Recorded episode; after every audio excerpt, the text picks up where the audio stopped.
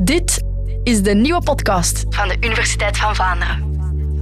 Met Sven Spijbroek en Koen Filet. Deze aflevering past in een reeks van 10 podcasts over het verhaal van Vlaanderen. Het tv-programma met Tom Waas dat je nog altijd kan bekijken op VRT Max. De vijfde aflevering ging over de pest en daar valt eigenlijk nog veel meer over te vertellen.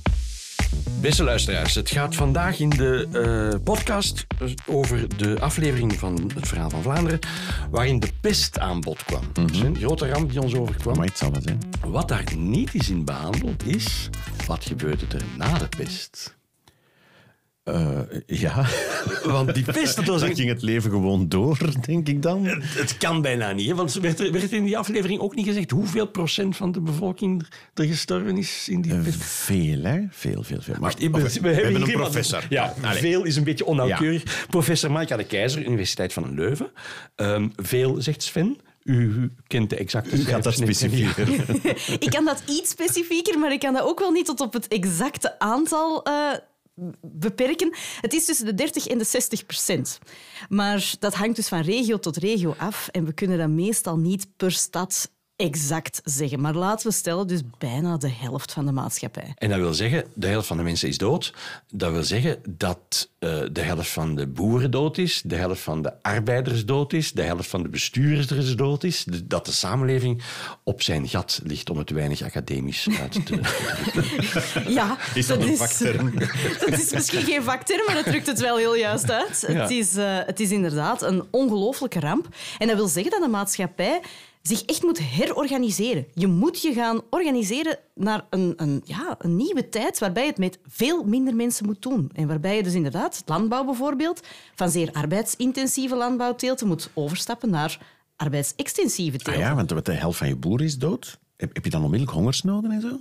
Ja, het was wel echt eh, verschrikkelijk. Dus omdat ja, mensen konden niet eh, zaaien, niet oogsten. Dus in het begin heeft dat wel enorm veel effecten gehad op bevoorrading.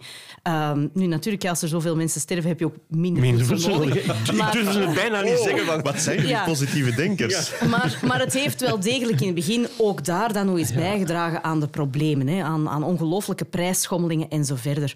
Eh, dus ja, dat was echt een probleem. Maar ook daarna, dat zie je bijvoorbeeld... eh, ik ken de situatie beter voor bijvoorbeeld Engeland, maar daar zie je dat akkerbouw heel snel plaats heeft gemaakt voor bijvoorbeeld veeteelt.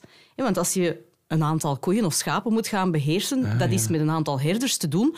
Terwijl als jij aan groenten en aan graanteelt wil doen, daar heb je enorm veel mensen voor nodig. ploegen en echen en zaaien en oogsten. Want je hoort tegenwoordig toch altijd, als het over klimaat gaat en zo, dat, dat veeteelt veel meer gedoe is en veel meer belastend. Voor, Maar de, voor dus- de natuur. Ja. Maar niet voor de mens. Hè. Daar heb je eigenlijk heel weinig eh, arbeidskrachten voor nodig. Zeker, je moet je inbeelden, er waren geen machines zoals wij dat nu hebben. Hè. Dorsen en zaaien en oogsten, dat is manueel werk. Dus dat vraagt enorm veel inspanningen. Ja. Wil het dan ook zeggen dat, eh, dat het eh, voedselpatroon verandert? Hè? Want als je overschakelt van het telen van gra- granen en groenten naar vlees, ja, dan moet je ook minder granen en groenten eten en meer vlees eten. Of, Ja, en de, de ironie melk. is inderdaad dat dus wat we zien is dat er meer vlees wordt geconsumeerd, maar niet alleen omdat er meer vlees wordt geproduceerd, maar na verloop van tijd, wanneer dus die eerste schok een beetje afnam, dan zie je dat er dus inderdaad minder mensen zijn ten opzichte van ja, daarvoor. En dat wil zeggen dat vele van hen hogere lonen konden krijgen, dat sommige boeren meer land hadden. Hè. Als al uw broers en zussen sterven en jij bent de enige die het bedrijf kan overerven en misschien nog van een aantal neven en nichten, heb je een groter stuk grond. En voor sommigen betekent dat dus ook meer rijkdom. En meer rijkdom betekent dat je dus duurdere producten kan kopen, wat dus bijvoorbeeld zuivel en vlees is. Dus je ziet dat de mensen beter gevoed waren na de pest dan voordien. Leef de pest. Ja, oh ja als Nee, je ja. het trauma te boven komt, dan... eh, Want ik, dan- zou, ik zou denken, er zijn minder boeren, dus er is minder graan of, of er minder groente. Dus alles wordt veel duurder, dus iedereen verhongert op een of andere manier. Maar Ja, dat de- is dus niet zo. Direct na die eerste golf natuurlijk wel. hè. Dus dan zie je, dat moet enorm, enorm verschrikkelijk geweest zijn. Maar wie dat doorspartelt, Ja. was aan het eind van de rit beter af. Ja. U heeft al een paar keer de eerste golf gezegd. Mhm. waarom, waarom heeft, zijn er, verschil, er zijn verschillende golven geweest. Ja, absoluut. Men noemt dat de echogolven, hè, die dat dus daarna komen. Eigenlijk moeten we stellen, bijna elke twintig jaar was er weer een grote golf Ehm, dus bijvoorbeeld al in 1360, 62 heb je er al meteen een enorm zware opnieuw. En je ziet dat keer op keer op keer terugkomen. Ah, wacht, want die eerste, voor wie de aflevering gemist zou hebben, de eerste grote pestgolf bij ons was in... Ja, die is aangekomen in Europa 1346, maar bij ons was eigenlijk de, de echte 1349. Ja, hè. Dus, midden van de eh, 14e eeuw. Ja, midden van de 14e eeuw. Ja. En vervolgens nog eens en nog eens en nog eens, zegt u. Ja, in de jaren 50 van de 14e eeuw, in de jaren 60 van de 14e eeuw. En dan zie je dat die pest eigenlijk ook tot en met het einde van de 16e eeuw een constant wederkerend patroon is. Nu natuurlijk veel minder dodelijk vanaf dat moment. Dat is niet Beetje elke keer... corona-verhaal, hè? Ja, ja, ja. Ja, veel erger Ja, dan... want- maar ik bedoel, die uit, uit echoende golven die elkaar opvolgen, maar die minder Is dat dan de, de beroemde, wat, wat was dat, groepsimmuniteit of zo? Van, Ja, we weten eigenlijk niet waarom ze op een bepaald moment gestopt is. Dus op een bepaald moment verdwijnt de pest dan ook gewoon. En dan zou je inderdaad kunnen zeggen, er is, er is immuniteit. Maar die was al zo vaak geweest, eeuwen aan een stuk, dat je bij wijze van spreken al vroeger een groepsimmuniteit zou verwacht voor, hebben. voor de 14e eeuw was Nee, er ook maar- al pest geweest.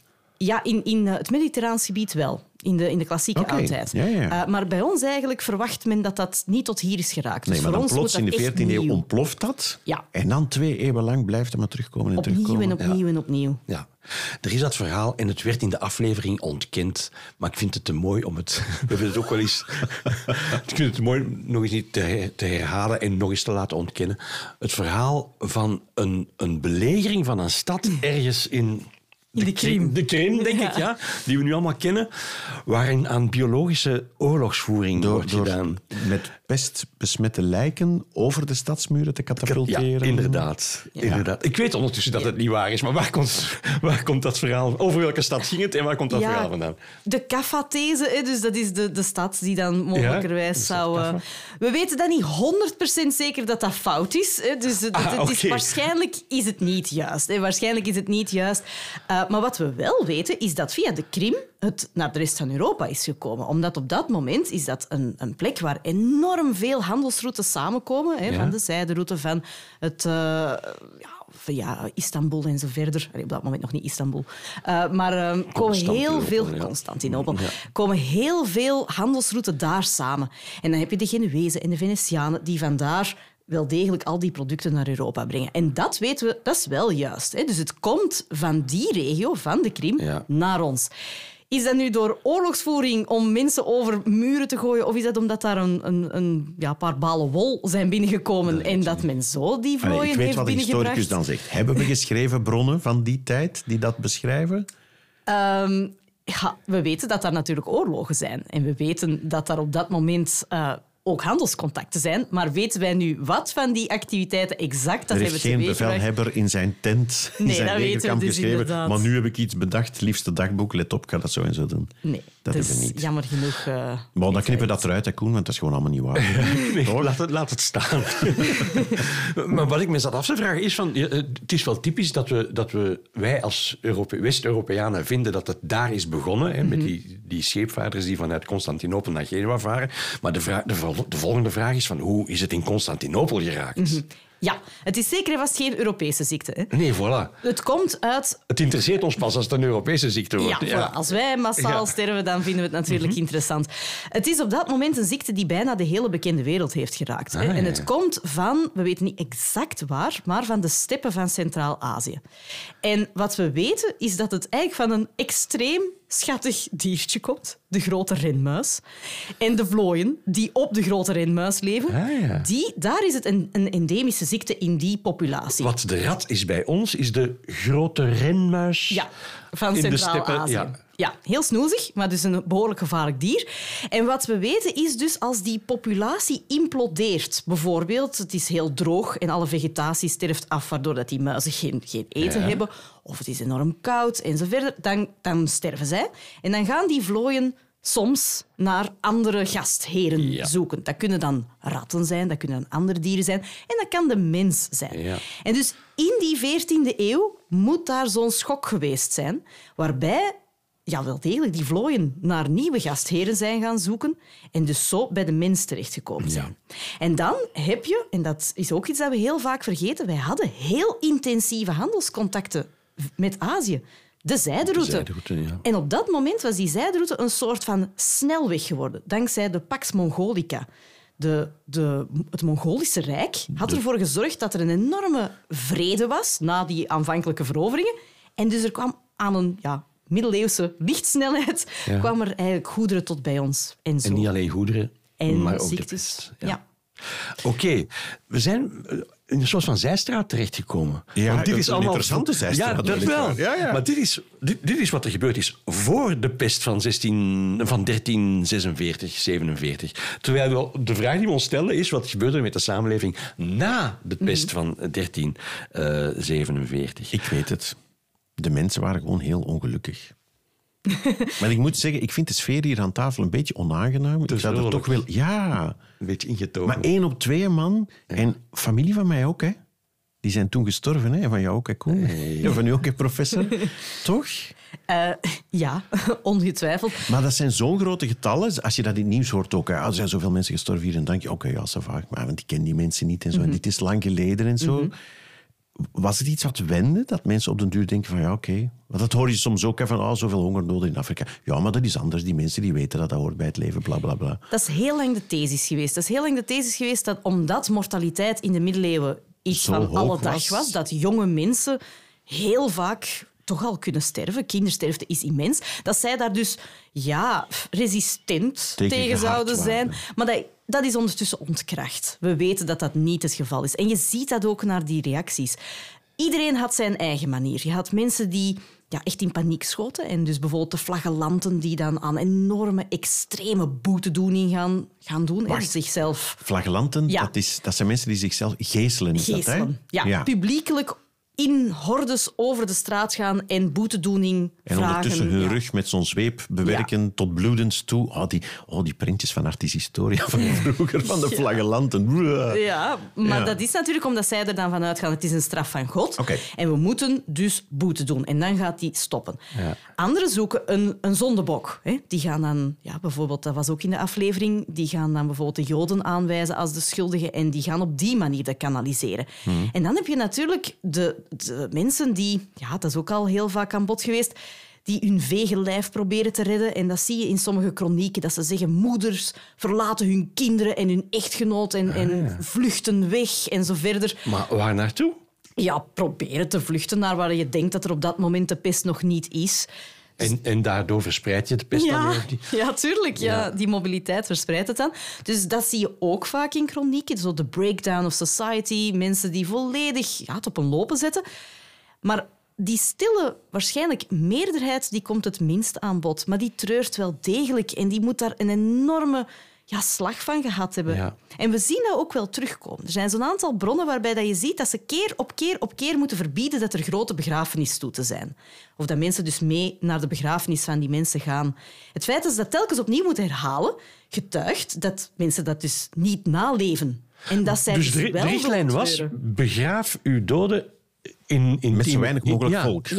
ja Ah, ja. En de mensen willen ja. toch een laatste eer bewijzen en Ja. hun begrafenis gaan. En die overheid moet voortdurend zeggen, nee, nee, doe dat niet, dat is gevaarlijk, dat is een besmettingshaard. Maar daaraan zie je dus dat dat sociale en dus die rouw en dus het er willen bij zijn bij hun naasten als ze sterven of als ze gestorven Ja. zijn, dat dat dus enorm belangrijk moet geweest zijn. En daaraan zie je dus ook dat het mensen wel degelijk iets doet. Dat is niet gewoon, oké, voer ze maar af. Ja, haal de kindjes Ehm, maar op en maar ze in het weg. massagraf. Je ziet die sociale cohesie, die emoties, Ja. die waren reëel. Ja. En er werd dus gezocht naar oorzaken. Die werden dan in het religieuze gezocht of in eh, het zijn de Joden. Of, maar waren er ook mensen die echt naar de medische oorzaak aan het zoeken waren? Zo medisch in, in een beetje moderne zin? Of, Er zullen sowieso wel dokters mee bezig geweest zijn. Ja, en je ziet dat ook wel, dat ze dan allerlei mogelijke dingen... hè, De, de miasma-theorie bijvoorbeeld bestaat op dat moment. daar Dat- ging het in de aflevering ook over. Hè? Ja. Dat geuren, Geuren, en ja. stank, Stank vooral. dat je daar ziek van wordt. Ja, dus dat, dat eh, stinkende massa's, bedorven zaken, dat die ziekte kunnen Ja, ik zou dat ook denken. Ja. Toch? Zo'n Maar dat is stad. Nee, nee, ik weet het. Maar de, ja, de, Ja. de fout is snel gemaakt. Dus dat is iets dat, eh, ja, dat, men, dat men denkt dat wel een, een invloed zou kunnen hebben en zo verder. Dus dan zie je dat men kruiden begint te verbranden om goede geuren eh, en zo verder te krijgen. Dus ja, ze gaan experimenteren. Ze gaan op alle mogelijke zaken beginnen te letten. Maar in het begin ja, zitten ze er pal naast. Hè. Ze, ze snappen gewoon niet dat het door een vlo op knaagdieren die dan u kan bijten. En op die manier krijg je het over. Ergens in Azië. Allee, Ja, dat, weten ze niet. En dus zitten ze ernaast. Maar na verloop van tijd beginnen ze wel door te krijgen... Oké, mensen in hetzelfde gezin krijgen het heel vaak. En als die stad een contact heeft met die stad, er komt een schip van een andere stad en daar zit de pest op, dan krijgen wij het ook. Dus ze beginnen door te krijgen, het is besmettelijk. Ze weten niet goed hoe het besmettelijk is, maar ze krijgen dat door. En dus dan krijg je proefondervindelijk het idee van quarantaine. Ja. Hè, dat je weet van, oké, als er zo'n schip komt, laat dat maar 40 dagen gewoon liggen voor de kust. Laat dat gerust doen. En als ze dan nog niet dood zijn, dan zal het wel oké zijn. Zat dat nu in de aflevering, of heb je dat ergens gelezen, over huizen die dichtgespijkerd worden met de inwoners er nog in, om te vermijden dat er... Con enfin, nogal drastische methode van ja, maar het lijkt wel quarantaine. de logica zelf. Hè? Ja, maar niet echt. Ja. Sympathiek is het niet. Nee. Sympathiek is het niet, maar wat je dat in wel... de aflevering, of heb ik dat Nee, dat staat denk ik niet in de Nee, aflevering, ik nee. heb dat toch niet gezegd, zal ik zo zeggen. Ehm, Is er maar, iets van aan? ehm, wat je wel ziet, is dat na verloop van tijd overheden heel extreme maatregelen kunnen Ja. beginnen trekken. Zeker in Italië kennen ze er wel wat van. Wat dat je bijvoorbeeld ziet, is dat ze dan van die pesthuizen aan de rand van de stad, en als je het dus krijgt, dat je daar naartoe moet, soms zelfs met familieleden erbij, die het dan nog niet hebben, maar waarvan ze zeggen, je zult het wel hebben. Ja, voilà. En dat dan meteen eigenlijk gewoon die goederen geconfiskeerd worden. En je wordt gewoon eigenlijk voor dood opgegeven. Want ja, als je het nog niet had... Ja.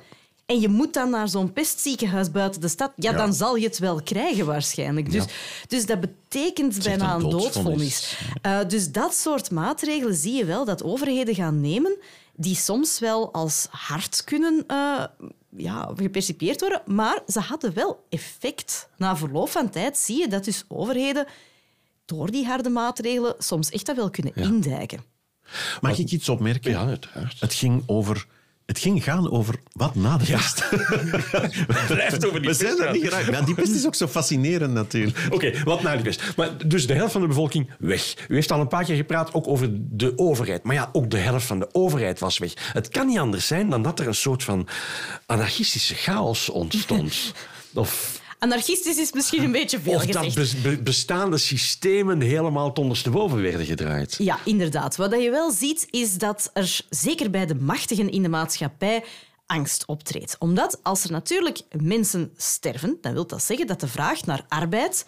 Ja, vroeger had je heel veel mensen om die arbeid te verrichten, nu plots nog maar heel weinig. En dat wil dus zeggen dat die heren, die willen dat hun akkers eh, dus geoogst worden, dat daar gezaaid wordt, dat daar allerlei timmerlieden zijn, ja, dat die plots met veel minder zijn. Ah, ja, ja, juist. Dat misschien nog een beetje expliciet maken. Ehm, de akker was niet de eigendom van de boer. Nee. De boer was, we zitten in de middeleeuwen, was een lijfeigene. Niet overal, maar inderdaad, die, die, die heren laten die akkers bewerken. En dat kan via verschillende manieren. Soms lijfeigenen, soms zijn het boeren die dan wel degelijk een cents moeten betalen aan de heer, maar dan wel keuzes mogen maken op die akker wat ze daarmee doen. Ja. Ehm, en dus, Maar, maar toch, de essentie is dat, dat, dat je als, als, als boer, als min of meer lijfeigene, vastzit aan een stuk grond. ja, inderdaad. Maar dan En dan gaan de mensen dood. Ja, gaan dood. En, En nieuwe de lijf. eigenaar heeft nog wel de grond, maar niet meer de lijfeigene. Ja, en wat je dus ziet, is dat dat, die, dat, dat plots die boer een beetje ja, daadkracht geeft. Want een heer een paar dorpen verder zit met een tekort.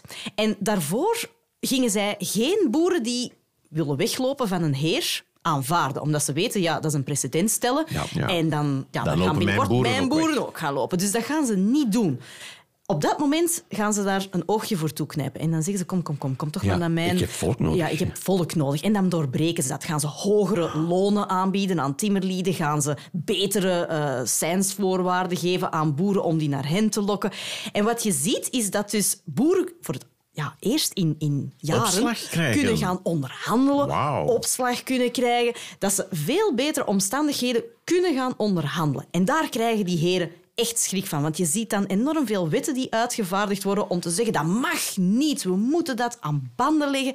Nu, dat helpt dus totaal niet. Want op dat Nee. moment is eigenlijk wel... Ja, de doos van Pandora is opengegaan op Ja, dat en moment. dat is niet alleen een economische verandering, maar ook een mentale verandering. Gewoon het feit dat je als boer kan onderhandelen met een edelman. Ja, Ja, inderdaad. dat je die man durft aanspreken en zeggen van nee, ik ben niet akkoord. Dat Ja, voor die lijkt me prijs zo- doe ik het niet. Ja, dat Ja. lijkt mij ondenkbaar zo in de mentaliteit van, van, van de feudaliteit. Het gaat met zijn schout of met zijn rentmeester geweest zijn. Ik betwijfel dat de heer zelf Ah, eh, ja. uit zijn kasteeltje kwam.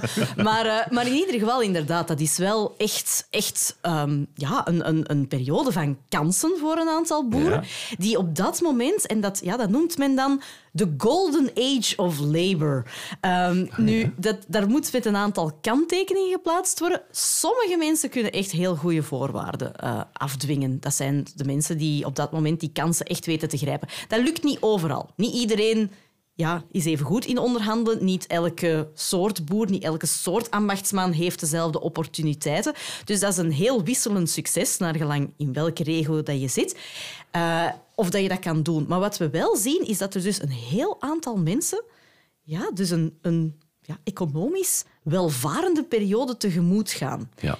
En sommigen ja, kiezen voor die hoge lonen en voor rijkdom. En sommigen, en dat is iets, dat is een onderzoek dat nu nog maar heel net is gepubliceerd door, eh, door Sam Geens, eh, die heeft ontdekt dat sommige boeren of ambachtslieden niet kiezen voor die hoge lonen. Die gaan net minder werken. Die zeggen met datzelfde loon... Ah ja, ik kom komen wel we toe. Komen toe. Ik ga voor vrije tijd. Maar geniaal. Ja. Ah, wacht, en vrije tijd geeft dan ruimte voor, voor cultuur en voor kennis verzamelen? Of, Cultuur Of of, op café of- zitten. Of ook in de park. ja, dat kan dus waar, ja. Of gewoon meer investeren in je eigen boerderij en, en, en niet te moeten gaan werken voor iemand anders, maar dus op die manier keuzes te kunnen maken om... om- Hogere lonen en meer vrije tijd. Ja. Hoera voor de pest. Ja, Ja, wel. dat is twee, ten tweede maal. Maar echt ja. waar. Je moet wel een sociaal-economisch historicus zijn om volledig de, de, de kommer en kwel te kunnen loskoppelen Ja, dat en dat dan een gouden eeuw te noemen. Want Ja. dat is natuurlijk, dat gaat wel ja, hand in Daar hangt hand. een prijs aan vast. Maar er zijn dus een aantal mensen die daar dus bij winnen op, op middellange termijn. Ja. Ja. Is de pest uiteindelijk gestopt omdat ze een geneesmiddel hebben gevonden? Nee, er is geen geneesmiddel gevonden. Op een bepaald moment weet men dat men dat kan indijken, weet men dat men bepaalde quarantainemaatregelen kan doen. Ja. Maar we hebben eigenlijk nooit ontdekt ehm, hoe dat we het moesten oplossen. Nu weten we dat met de moderne ge- eh, geneeskunde, omdat het is een Maar bacterie... toen nooit. Ze zullen ongetwijfeld alles hebben uitgeprobeerd wat ze hadden in de apotheek. Ja, en een heel leuk middeltje dat ze hebben geprobeerd is teriak. En teriak... Teriak. Teriak. Niet teriyaki, maar dus teriak. Ehm, en dat is dus een, een middel... We weten nog altijd niet goed wat daar allemaal in zit. Meestal waren dat tot en met 30, 40 ingrediënten. Zo van alles en nog wat. Geprobeerd zomaar wat. Ja. Maar het belangrijkste eh, bestanddeel was opium. Men drogeerde eigenlijk de mensen gewoon plat. Nu, het hield wel steek. Blijkbaar is opium behoorlijk goed om koorts naar beneden te doen gaan. Let op, hè, er Pijn. zitten kinderen mee te luisteren. Ja, sorry. Maar dus pijn eh, te verminderen.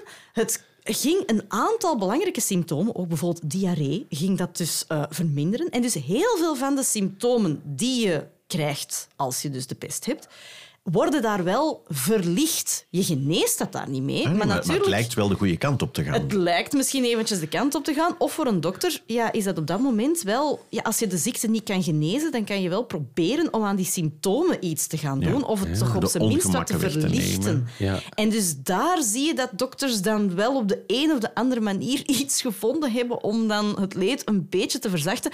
Maar genezen, nee. Ze weten het gewoon niet. Ze hebben nooit ontdekt wat ja, bacteriën zijn in die periode. Nee, nee, nee, dat dus dan kan je het ook niet oplossen. Je ging dood in twee, drie dagen, geloof ik, hè, van bepaalde vormen. De Ja. eerste vorm van de pest. Dus dan lag je twee, drie dagen eh, in een soort van roes Ja. op je dood te wachten. In het beste Ja, geval. Inderdaad. Oh, gezellig einde Ja. van dit gesprek.